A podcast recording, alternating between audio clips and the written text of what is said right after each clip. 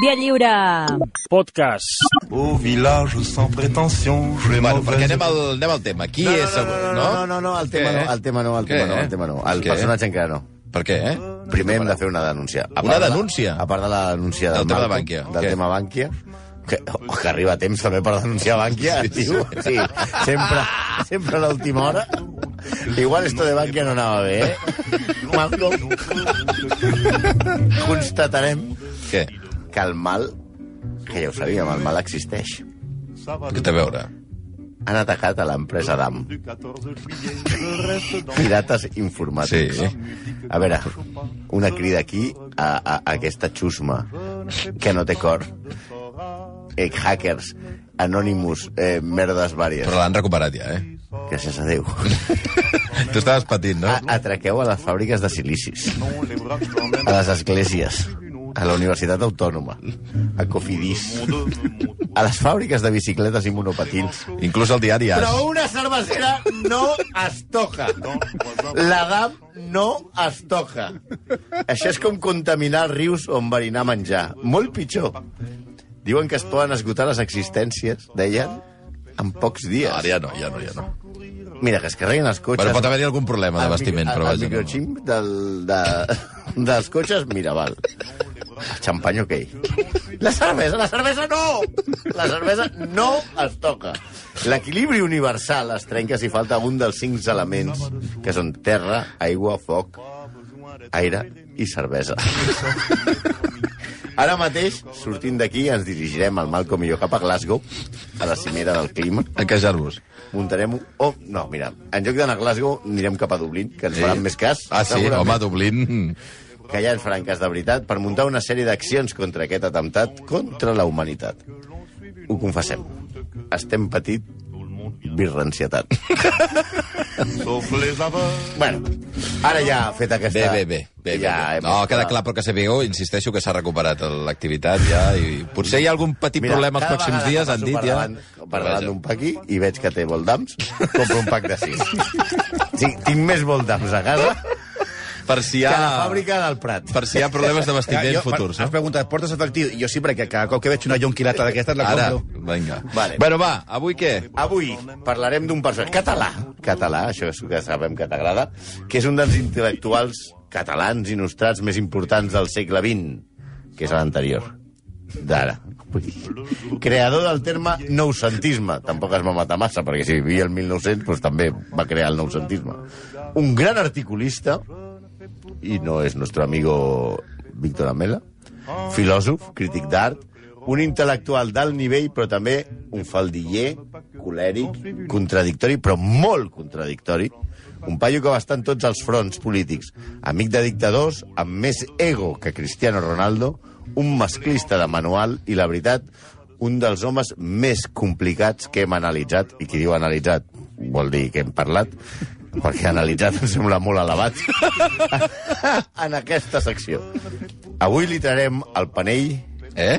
Panell, panell, panell. El panell. Penacho. Ah, No, tu estàs pensant en... en, en, en bueno, has dit si li tallarem pen- el panell. Eh, Li bueno, traiem Ah, li traiem. el panell a Eugeni d'Ors Rovira. Després, Eugenio d'Ors, també conegut com Xenius, Octavio, Octavi de Romeu, Joan de Déu Politeu, El Guaita, Miller, Xan o Pedro Llerena. És a dir, Eugeni o d'Ors.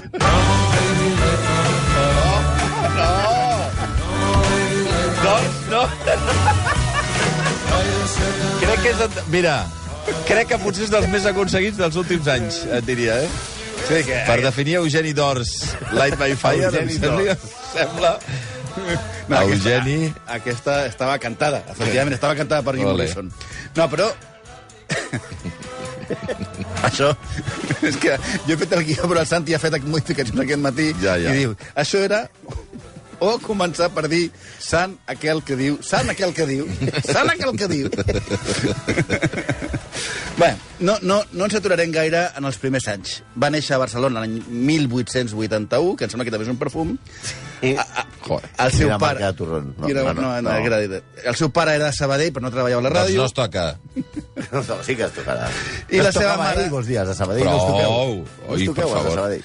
És igual. I, Mira. I la seva mare era cubana de Manzanillo, Cuba, que no és un còctel. Eh, estudia dret a Barcelona, és Ni bona cap pràctica estudiant. sexual, sexual, eh? La cubana de Prou. Manzanillo. No, és que no vull saber res més. Va, pot, pot avançar, Va, fer una sisplau, cubana de Malcolm. Manzanillo. Prou, prou, que no vull saber res més. Estudia dret a Barcelona, és bon estudiant. Ja des de jove comença a descobrir la seva vocació periodística i escriu tant que no li val amb un sol nom i comença a fer-se fer servir heterònims. O, no? Això, no, no, a, a Terònims recordeu a PSOE. Sí, noms, noms de pluma, no? Eh, tots Noms els de que... pluma? Sí, nom, nom, nom de pluma es diu i nom de pluma també es pot dir en català. Tots els que És que hem, editaven... de, hem, de, hem de baixar el nivell. Ah, va, mica, per eh? favor. Que ja ens estem posant favor. massa, massa, massa, Tots els, massa literaris. tots els que ha editavat en, en Santi, Sí. algun com a il·lustrador, pues, Xenio, Octavio, Octavio de Romeu, Joan de Déu Politeu, el Guaita, Milen, com Glenn, Xan, com la Porta, Pimpin Nicholson, que és un que feia des de, des de París, Pimpin Nicholson és molt bo. Boníssim, Pimpin Nicholson. Sí, perquè pots fer El senyor de los anillos i El resplendor al mateix temps. Pedro Llarena. Però imagina si et truquen per telèfon a casa teva. Semblaria una pensió. Estàs sol? Bé, bueno, amb l'Octavi, el Joan de Déu, el Xenios, el Guaita... Bueno, marxa a París. I què passa a París? Puto PSG! Vale. De corresponsal de la veu de Però si no Catalunya. devia ser-hi, encara. Puto PSG! No hi era. Ell seria del PSG, també. Se'ns van endur a Neymar, Quan se'ns van van endur a allà, Messi, no hi havia Se'ns van endur a Sergio... No, aquest no era nostre. Se'ns van endur al Dani Alves. El Dani Alves va jugar al PSG. Va jugar al PSG, no me'n recordo ja. No, ni és ell tampoc. Ni ell tampoc. Fa tant temps que es va retirar Fa que ni se'n recorda. Puto PSG. Bueno, van, van a, a, a, a París... Puto de, PSG. van a aquesta ciutat de corresponsal de la veu de Catalunya, pas de l'ESO, era un diari, eh? O sigui, la veu de Catalunya no, era, no parlem de Sílvia Pérez Cruz. I es casa amb l'escultora, que era una escultora burgesa i tal, que es diu Maria Pérez Peix. Sí. I comença... En Pepi. Ara fitxarà pel Madrid. I comença, La Pipi. i comença a fer unes peces... En Pipi. Prou! Prou. Puto PSG. No us sembla, eh, que, no, que tingueu problemes de vestiment? De cervesa? La, i, I comença a fer unes peces petites anomenades glosses. La, la, la, la secció al diari dirà, com a no, glossari, on comentava tot el que se li acudia.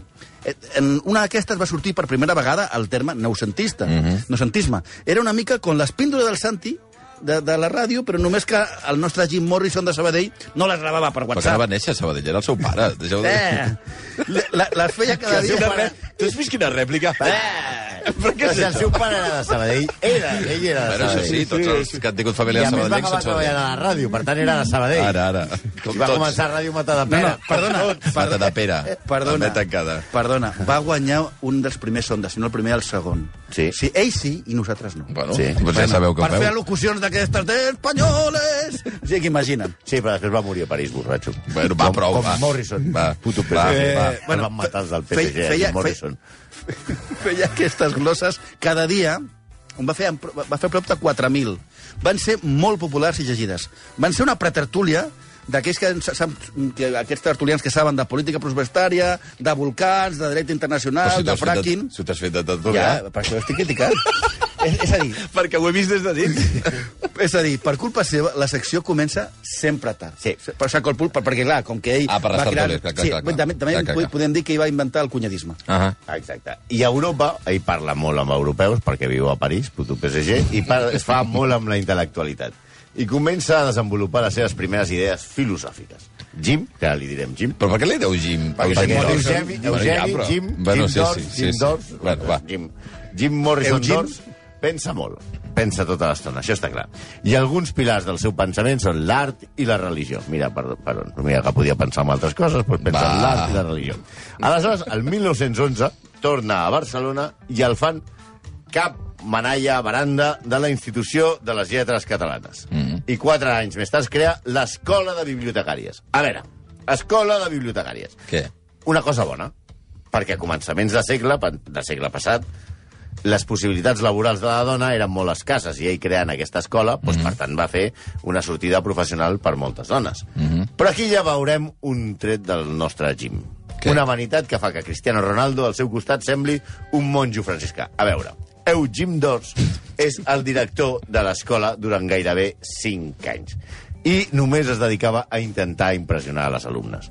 Eugeni d'Ors, o Brusita, era molt especial, amb una bona dosi de narcisisme.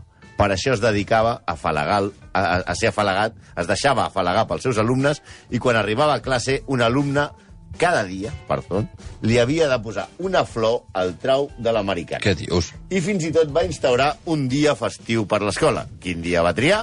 La festivitat de Sant Eugeni. Oh. Això ja era massa, però tenia les alumnes enlluernades. Tan cosita.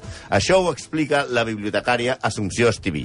Va posar de patró i de festiu el sant del seu Boníssim, sembla brillant. És com si tu, el dia del Via Lliure, de la festa del Via Lliure, el festa del periodisme radiofònic, Sí. sí. més enllà de l'ondes que no ens donaran mai, Sí. necessita un sant. O sigui, com si ja ho decidís, no? Sant Xavier Bundó. o Sant Bundi. Prou, O Sant Bad Bandi. prou. Bandimut. Que algú... I qui ho escolti, qui no sàpiga d'on ve això, que vagi, aquí, no? que vagi a buscar el, el que va dir la l'Anna Tijú l'altra setmana, sí, sí. Agraït sempre a vosaltres. Però va. La veritat és que el, el projecte tenia alguna cosa com de secta. Eren noies de la burgesia, il·lustrades i molt capficades a l'estudi. No havien molt- inventat el círculo equestre ni el club de polo. Pa- Cobraven molt poc, però treballaven molt. Mira, aquestes no cobren poc. I s'ha dit, dit molt que no... O sigui, hi havia sempre el rumor de que no es podien casar. Però l'historiadora Assumpta Montellà ha comprovat que sí, encara que ella mateixa diu, i ho cita, la majoria no es van casar. Però, i no ho van fer perquè es van dedicar de forma incondicional a la feina. Mm -hmm. No tenien temps per, per fer vida social. Home, jo sé que la biblioteconomia és una, una feina molt dureta, però et pots casar, pots fer un gelat. Bueno, escolta'm, Sí, sí, no són sé, sí. devots de la seva feina. Sí, sí. Bueno, no ho sé. Hauríem de parlar amb el Carles Tamayo, aquest que vas entrevistar, però a mi això... El Carles Tamayo, que és el que va in- investigant sobre les sectes, eh? I, el, i molts tamall, i el tamallazo. Sí, bueno, però no són, la, no són de la família. No, bueno, però diu Tamayo, també. Bueno, vinga, Tamayo antes que abril. Va. Bueno, però pensem que... les Tamayo, noies- ton, tamayo tonteria. Tamayo. prou. Estem, ja que estem amb les noies, parlem de la visió que tenia eh, Jim Dors de la seva, de la vis- de les dones. Ell va escriure un llibre molt famós, una novel·la molt llegida, però més dolenta que la carn de coll, que es va fer De, escriure... ca- de cavall? La carn del coll. Ah, del coll. Sí, però és que m'havia quedat sense aire. va, la, la va reescriure aprofitant les idees d'unes glosses. I que, ja sé, que va dir que les glosses després es va dir glosari. Veus? I Oriol de Balanzó eh, m'envia un missatge i diu que va acabar com el glosari de l'Aurora. El glosari, molt bé. Per això es guanya la vida amb l'humor, aquest senyor. Molt bé. Gràcies, Oriol. A veure, ell, ell feia servir l'explotació porcina. A veure, la novel·la en qüestió, que tots l'haureu sentit, sobretot els que heu fet TGB i això, es diu La ben plantada, que és l'ideal de dona catalana. Marta, si ens estàs escoltant, no va per tu. Ferrusola, referència. Ah, dic quina martada. Què diu ara? Era una metàfora també de la dona de, de Catalunya. Catalunya. Sí, Catalunya. El personatge central d'aquest llibre es diu Teresa, la ben plantada, que diuen que està inspirat, inspirat en Teresa Mestre, una senyora burgesa casada amb un ric del sector tèxtil de qui estava secretament enamorat a Jim Dors. Però hi ha altres veus, i no poques, que diuen que s'inspira també en la famosa Lídia de Cadaqués. Lídia de Cadaqués. Sí, l'idea que és, un, és una peixatera i hostalera de Cadaqués que es va relacionar amb Dalí, Lorca, Dalí la va li, pintar... li, li agradaven els homes importants. Potents. No, vull dir, era- com el personatge que ells venien, veien allà com telúric de, del poble mm -hmm. i, i aleshores Lorca va escriure sobre ella dient que era una, una dona que tenia una bogeria intel·ligent, Dalí la va pintar, etc etc. Era, era com la persona important de... de No era Pilar Rahola. És a dir, de Cadaqués. Però no, no per època no... no, però a Cadaqués. Ja, ja, ja, I ja. feia paelles, també. Però, amb, Bueno, hi, hi havia. Víctor Rahola, que no sé si és amb família. trapero. I tot. Vinga, va, tira. I havia, havia tingut una vida, una vida dura, el seu marit s'havia suïcidat, Vaig. i doncs... Més dura la va tenir el marit. Prou. Doncs eh, Jim... el que es va suïcidar va ser el marit. Va, per Eu, favor.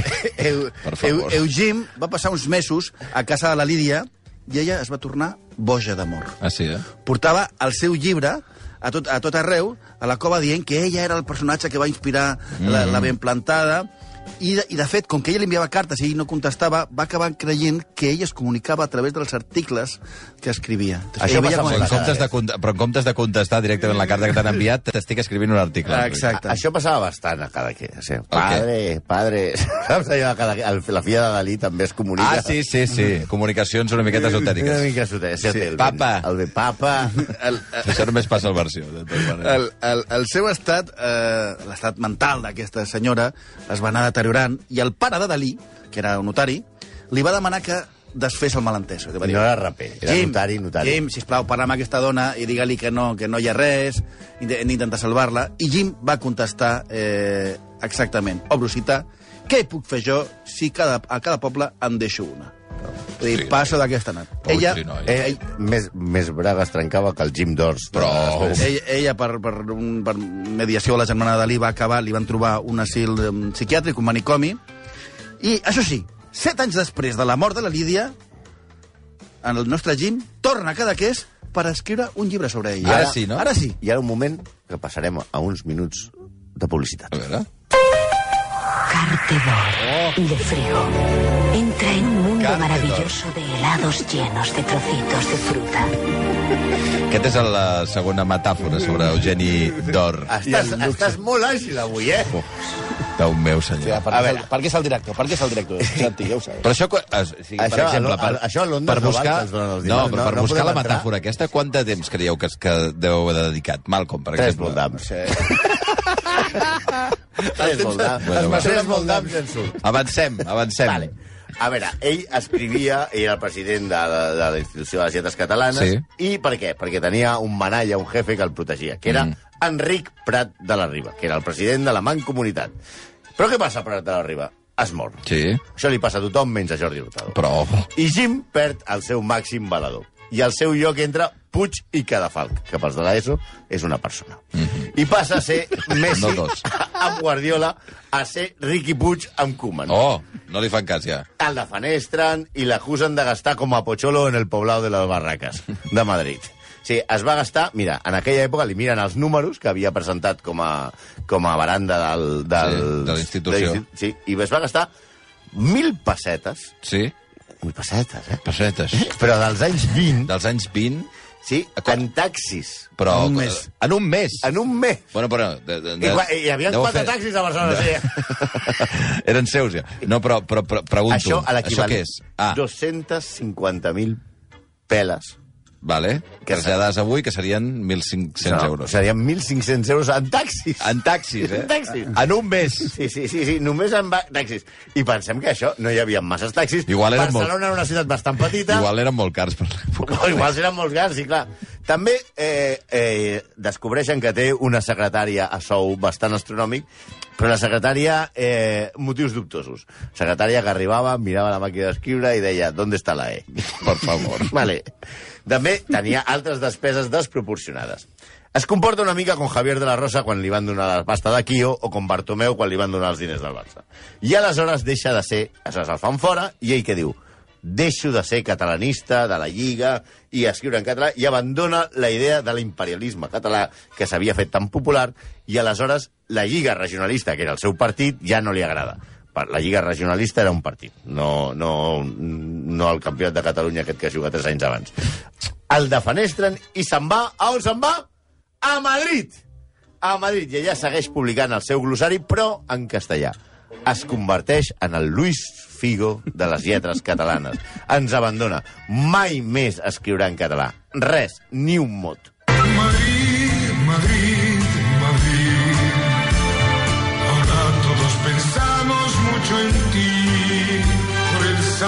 Aleshores marxa a Madrid i comença a escriure a quin diari? Al Arriba Espanya! Un Ai, diari, un diari favor. moderat. Que, que... El nom ja semblava que... Bueno, era... Sí, ja podeu intuir que no és Mundo Obrero. Bueno, És- ja per, per on anava, no? No, sí, sí, sí. El nomenen secretari perpetu del nou Instituto d'Espanya, que no és una high school de la Legió, sinó la reunió de totes les reials acadèmies i el fan cap nacional de Belles Artes. Parlem de que estem en plena guerra civil.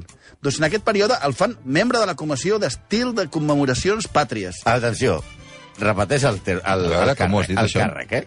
Comisión de Estilo de Conmemoraciones Patrias. Boníssim, això. És a dir, cap de bolis vermells dels fatxes. Sí, sí, sí, sí. Sí, l'altre dia feien conya amb el, amb el càrrec de jefe de contencioso, Sí, sí, que sí. va rebre Superman. Aquest càrrec tampoc està gens malament. Rep el gradi de comendatore de la Ordine de la Corona d'Itàlia, això és l'any 38, això perquè que hi havia la relació de, de Franco amb els, amb, els, amb els italians. Participa a Burgos al Congreso Nacional de la Secció Femenina. Que té collons organitzar a Burgos, a la Guerra Civil, un congrés nacional de la secció femenina, i que a sobre el presideixi eh, eh, Jim, Jim. Morrison, I ell, i ell parla, i ell parla la seva locució, que no tenim no hem trobat el text, és de sexo i professió. No sabem si parla de putes o què. Prou, home, per però, favor. però diguem, home, o, o de strippers, Va, strippers. va. diguem que s'ha integrat bé. Sí. Sí. A Madrid ja... No és que va arribar a Madrid buscant, vull dir, va entrar directament al Aleshores, règim. a tope. Ell, ell passa a ser, a part del gran mestre de Superman, Sí. eh, ell passa a ser el gran inspirador de, de la ideologia de la falange, que s'inspira en els seus textos. I a la seva imatge de que la democràcia, com ell opina, eh, això són paraules d'Eugeni d'Ors, la democràcia és el despotisme de les majories i l'esclavatge del número, i que no era desitjable de cap de les maneres. Si, en canvi, avala criteris com l'autoritat i la jerarquia. El seu esperit, per resumir-lo, era, obro cita, elitista, autoritari, antiliberal, imperialista i antidemòcrata. Tot una declaració de principis. Fantàstic. Va inspirar els joves de la falange, com dient, i tenia un aforisme molt cèlebre que deia A veure. que se oigan todas las voces, dominadas, empero, por la voz de mando. Ah, clar. Sí, aquello. Que, Sí. que parli tothom, Podeu però parlar, bueno... eh? Però aquí Però llavors... però aquí hoy Ah. manda mi esto. Bueno, I ell vinga. també va acabar sent de la falange. Però, clar, de la falange, però no com tots, perquè hem dit que era molt narcisista. Mm. És de la falange, però no com tots els de la falange. Es va fer fer un uniforme de camisa blava i els corretges, però diferent de l'uniforme que portaven tots els falangistes. Sí, És era diferent, el seu uniforme. Sí, eh, el, el Dolce Gabbana dels falangistes. Oh, carai. Una la, cosa diferent. La pregunta és, si només el portes tu, és un uniforme o és està No, clar, és- és uniforme. és d'un. Únic, únic forma. Únic forma. I anava a dir, Bueno, avui allà van els falangistes i per aquí va Jim Dawes. Sí, hi ha qui diu, ha qui diu entre aquestes discussions, tothom ja saps que parlar sempre de- d'Eugeni d'Ors és la conversa més habitual del món. Sí, tothom, tu I vas hi a ha qui diu que era- per Sabadell tothom parla d'Eugeni Home, El dia. Ja té molts carrers, eh, per No, perdona, Sí. ja, eh, la, vaig buscar, quan busques a internet, hi ha Institut eh, Eugeni d'Ors, a. Catalunya hi ha com 15. Moltíssims, sí, sí, moltíssims, sí, sí, sí. sí. Així anem. Hi ha, hi ha qui diu que era més, hi ha qui diu que era més feixista que falangista. I pot una, ser. una, eh, és una, allò, diguem-ne... Sí, línia- T'agrada més la maqueta? Clar, la T'agrada més línia el és- llibre o la pel·lícula? Bueno, per debatre el matís tampoc no cal. El, el que segurament va ser és el primer feixista seriós a Espanya i que va servir de model als falangistes. José Antonio Primo de Rivera rebia classes de dors a casa seva. O sigui, A casa, era... a casa de José Antonio. A casa, bueno, no sé, la veritat. Ara no ho sé, però bueno, que era... O sigui, anava Dors a, A casa- a, a José Antonio's Place o, Jo- jo crec- o, jo crec que Dors aniria a casa. anava a Dors Place. Jo crec que... Va, que hem d'anar acabant. Jo crec que Knocking the Door, jo crec que el que no- Knocking the Door era José Antonio. Knocking, knocking, Per cert, que s'afegeix... Knocking on José's Door. S'afegeix a la festa Jofre Llombard, que ens està escoltant, i tu amb lo presumit que era, potser era Eugeni Dior. que gran, que gran. Va, prou, vinga, acabem, aportacions. acabem, Jim, acabem. també és veritat que Jim va escriure un pròleg a un llibre de Mussolini, eh, li va fer un, un pròleg, El famós pròleg del llibre de Mussolini. era, s'ha de dir que era... A veure, que també si te'l demana... Home, tu ens vas escriure un pròleg a nosaltres. Exacte, vull dir, amb aquesta tensió, vull dir, a veure, Ta- eh, ho ta- has de fer. També escriu a Serrano Sunyer, ja sabeu, que era el, el, el, aquest sí que era el cunyadíssimo, una Que es carta... deia Ramon Serrano. Sí? Que jo de petit vaig pensar molt que es deia Jamón Serrano. Va, va, per favor. Hi ha una carta molt famosa... tard, hem d'acabar, eh? Hi ha una carta... És que, clar, comenceu tard. Era- Hi ha una carta per haver renegat dels seus orígens eh, feixistes. Sí, també el Jim Dors eh, eh, volia falsejar la història. Per exemple, ell és la idea que Antonio Machado era del bàndol franquista, que es va... Bravo. Perquè ell va arribar a escriure Apostamos a que un día se verá claro como la luz que Causa Roja en España nunca ha tenido verdaderamente a su lado más que unos rebaños de bestias. Apostamos a que el cultivador delicado de las soledades, soledades Machado. és el llibre de Machado, ho dic perquè la gent ja ho sap, però perquè sí, no participó en la sanguinaria embriaguez de las masas. Apostamos no es una, no, no- no es una cuña de Betanguin, ¿eh? Apostamos a que el heredero de Góngora nunca traicionó el deber de su nativa aristocràcia. Això ho, me, ho, feia mentre preparava un llibre elogiós sobre el mariscal Petén, que es va meditar titular Viv Petén, potent PSG. Va, prou, prou.